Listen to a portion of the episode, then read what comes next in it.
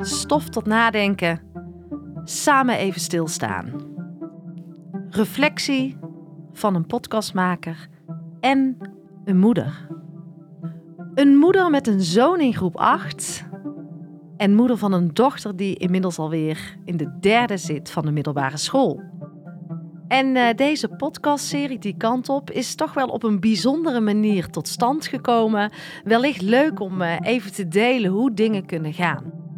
Vorig jaar kreeg uh, mijn zoon de brochure Die Kant Op. Die nam hij mee naar huis. En ik zat daar een beetje in te bladeren en de informatie van Povo 013 te lezen. En toen dacht ik, hoe gaaf zou het zijn als ik hier een podcastserie van zou kunnen maken waarin ik dan in gesprek zou kunnen gaan met kinderen uit groep 7 en 8, brugklassers, ouders, brugklascoördinatoren, docenten, leerkrachten. Hoe tof zou dat zijn? En toen ben ik uh, ja, gewoon begonnen met één mailtje te versturen. En uh, ja, dat mailtje leidde tot een gesprek. En dat gesprek leidde weer tot uh, een volgend gesprek. En zo ja, geschieden. En nu staan er tien afleveringen klaar. En het is prachtig om dit te mogen maken. Het is ook heel dicht bij mij als moeder, maar ook als podcastmaker. Een thema waar ik ook uh, graag mee bezig ben. Dus ja, zo zie je maar hoe dingen kunnen ontstaan.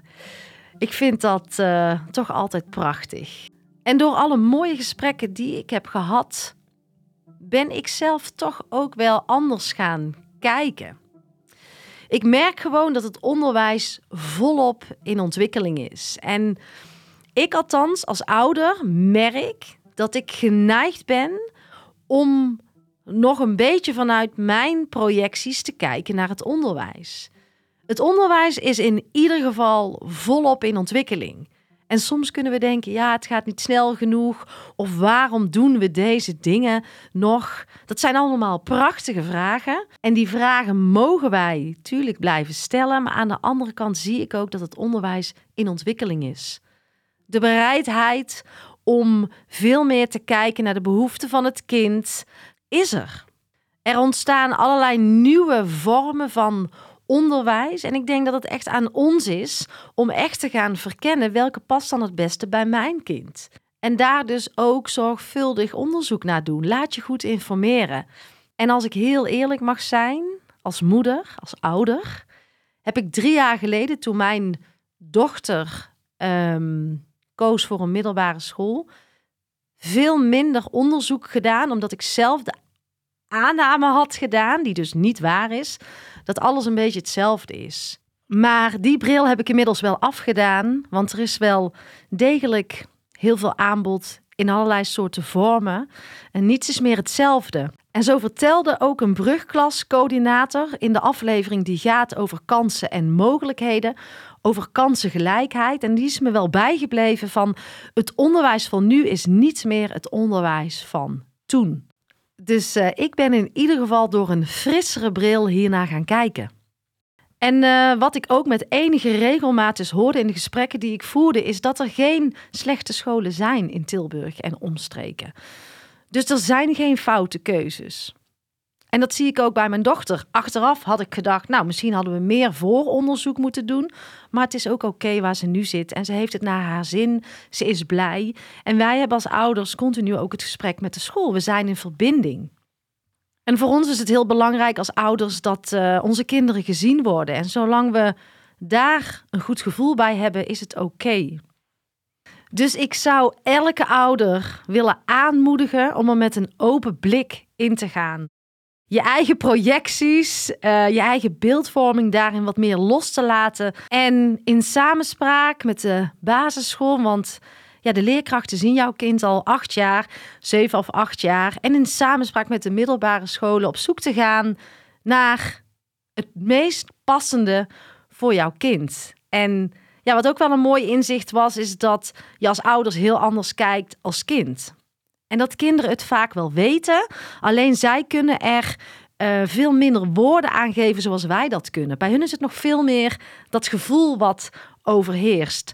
Maar er wordt wel sterk geadviseerd: ga wel overal kijken. En ga niet zomaar ergens naartoe omdat jouw broer of zus er naartoe ging, of dat er een oom werkt, of dat het dichtbij fietsen is, of dat veel vriendjes er naartoe gaan. Nee, ga echt ontdekken wat bij jou past en je eigen keuze maken. Dat kwam ook wel heel sterk naar voren in, uh, in deze podcast-afleveringen. Uh, en wat ook een mooi inzicht uh, was, is dat niets in het beton zit. Het is een startpunt waarvan onze kinderen gaan vertrekken, het advies. En het kan dus alle kanten op. En die mogelijkheden zijn er. En wij zijn geneigd om het heel serieus te zien, maar misschien mogen we dat ook wel wat meer loslaten. En voor mij was dat wel een uh, reflectiemomentje. En het gaf me ook wel heel veel rust toen ik er zo naar ging kijken van het komt altijd goed. Slechte scholen zijn er niet, foute keuzes bestaan niet. Doe goed je onderzoek, kinderen ontwikkelen. Wat kan er misgaan? Blijf vooral met elkaar in verbinding. En dat is denk ik heel erg belangrijk. Die driehoek, hè, waar ook veel over gesproken wordt uh, in de afleveringen, tussen ouder, kind en school. Zoek die verbinding met elkaar op. En mij heeft het in ieder geval geholpen om er zo naar te kijken. Gaf mij heel veel ruimte eigenlijk. En ook uh, vertrouwen. En ook wel rust. Het komt goed. En wat mij bij die kids zo opviel, is die ontwikkeling. Ik sprak kinderen uit groep 7, groep 8, brugklassers. En zo mooi hoe zij elkaar ook het vertrouwen gaven. In groep 7 is alles nog een beetje abstract. Uh, je komt nog niet echt in beweging. Is natuurlijk wel afhankelijk per kind. Maar ja, het is ook lastig om een beeld te vormen van iets wat je niet weet. Dat gaat ook bijna niet. Dus maar in groep 8 worden ze al veel meer meegenomen. Uh, gaan ze al kijken. In, in groep 7 gaan kinderen al kijken. En je merkt dat hun beeld steeds concreter wordt. En dat kwam tijdens de afleveringen ook heel erg naar boven. En ik heb ook een toffe aflevering gemaakt over uh, brugklassers in gesprek met kinderen uit groep 8. Die kids hadden allerlei vragen en uh, de brugklassers beantwoorden deze vragen. En zo gaaf hoe die brugklassers al binnen een paar weken gewend zijn en wat zij al teruggaven aan uh, die groep 8 kinderen. Ik vond dat een hele mooie aflevering. Ook heel leuk om te maken. Zo puur, zo gezellig met die kinderen hier in de studio. Ja, was echt heel gaaf. Dus um, ook zeker de moeite waard om die aflevering aan je eigen kinderen te laten luisteren. En ja, als je het over wennen hebt, dan zijn de meningen daar een beetje over verdeeld. Uh, een ouder zegt uh, rond de herfstvakantie. Een andere docent zei weer, nou, uh, het eerste half jaar hebben ze daarvoor nodig. Is natuurlijk ook heel erg afhankelijk per kind. Maar laten wij als ouders in ieder geval de ruimte geven aan onze kinderen om te wennen. Omdat dat gewoon heel erg normaal is. Ik vergelijk het dan maar een beetje met um, die eerste periode van je nieuwe baan. Dat is ook wennen. En die tijd mogen we onszelf ook gewoon gunnen. Dus ook aan onze kinderen. Blijf ook hier in deze periode in gesprek met je kind. Blijf in gesprek met school. Maar geef ruimte aan het wenproces. Dat is iets wat ik nog wel wil meegeven. Vond ik ook een prachtig inzicht. Ja, en, en pak ook alle kansen die er zijn in je vooronderzoek. Hè? Uh, begin gewoon tijdig in uh, groep 7. Ze zeggen ook begin wat breder te kijken en uh, word steeds smaller in scholen in groep 8. Ga gewoon het gesprek ook aan. Er is ook ruimte om wat extra gesprekken te voeren als jij het bijvoorbeeld niet weet. Je kunt overal een gesprek aanvragen, werd ook gezegd. maar je hebt de brochure die kant op. De website van POVO 013. Um, de open dagen. Je hebt speciale ouderavonden. Uh, meeloopdagen voor de kinderen. Er is zoveel om een beeld te gaan vormen. Maak daar dan ook gebruik van. En dat zou ik ook nu meer doen dan dat ik uh, drie jaar geleden met mijn dochter heb gedaan. Omdat ik helemaal niet op de hoogte was van wat er eigenlijk aan aanbod was. En kijk eens ook om je heen wie jouw hulp kan gebruiken. Want ik kwam er in het onderzoek ook wel achter dat er ook heel veel ouders zijn die dit lastig vinden. Omdat ze of de taal niet spreken uh, of de capaciteiten niet hebben. Uh, laten we elkaar daarin wat meer proberen te helpen. Want jij vindt het fijn dat jouw kind op een passende school komt. Maar een andere ouder vindt dat net zo fijn. En die vindt het wellicht lastiger om het juiste beeld te vormen, de keuze te maken. Dus uh, ja, als we elkaar daarin een beetje kunnen gaan helpen, hoe mooi is dat? En uh, ik heb ook een aflevering gemaakt over het thema: Wordt mijn kind gezien? En ja, onze kinderen worden gezien. En ik weet dat ik daarmee niet elke ouder aanspreek, omdat sommige ouders het gevoel hebben dat dat niet zo is. En dat is ook oké.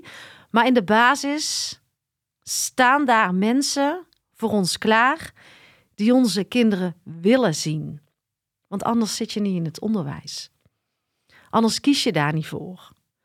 En dat vind ik ook een hele fijne gedachte. Een fijne manier om er zo naar te kijken. Er gebeurt in ieder geval veel op scholen om onze kinderen echt te zien. Zo wordt er bijvoorbeeld in uh, verschillende afleveringen verteld over de warme overdracht.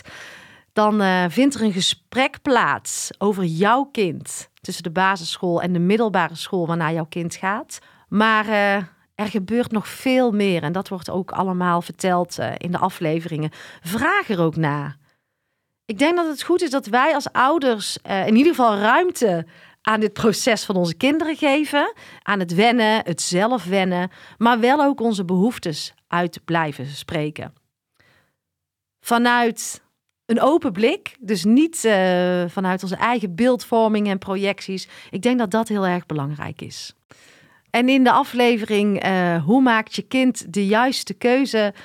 Komt ook heel helder naar voren dat wij veel meer een faciliterende rol hebben, maar dat onze kinderen de keuze maken. En het doet me nog denken aan één meisje wat ik interviewde. Die ouders die vonden van alles van die school, want het zou een slechte school zijn. Nou goed, slechte scholen bestaan er niet. Daar ben ik in ieder geval achter. Ik ben overal geweest. Ik heb alles gezien, uh, ervaren en gevoeld. Dat is ook heel erg belangrijk. Um, en dat werd uh, ook op de school verteld, zei zij, door haar klas destijds, groep 8. Maar zij voelde dat ze naar die school wilde. Zij voelde zichzelf daar op haar plek. Zij heeft mogen kiezen, zij is gegaan en ze voelt zich als een vis in het water. En ik denk dat dit wel de kern is. Als je kind het voelt, dan mogen wij onze eigen beeldvorming loslaten en de verhalen die wij hebben gehoord, want zijn die wel waar? Mogen wij die zelf niet gaan ontdekken? Mag ons kind die niet zelf gaan ontdekken? En zelf heb ik ook echt wel eens de gedachte: waarom zijn we bepaalde vakken nog aan het leren? Dat spookt echt wel eens door mijn hoofd, daar ben ik eerlijk over. Maar ik merk ook dat scholen daar ook mee worstelen en daar uh, ook over na aan het denken zijn. En dat dat dus ook een ontwikkeling is. En dat gaf me ook wel een prettig gevoel. Zo vroeg ik uh, een brugklascoördinator: als jij zou mogen dromen, wat dan?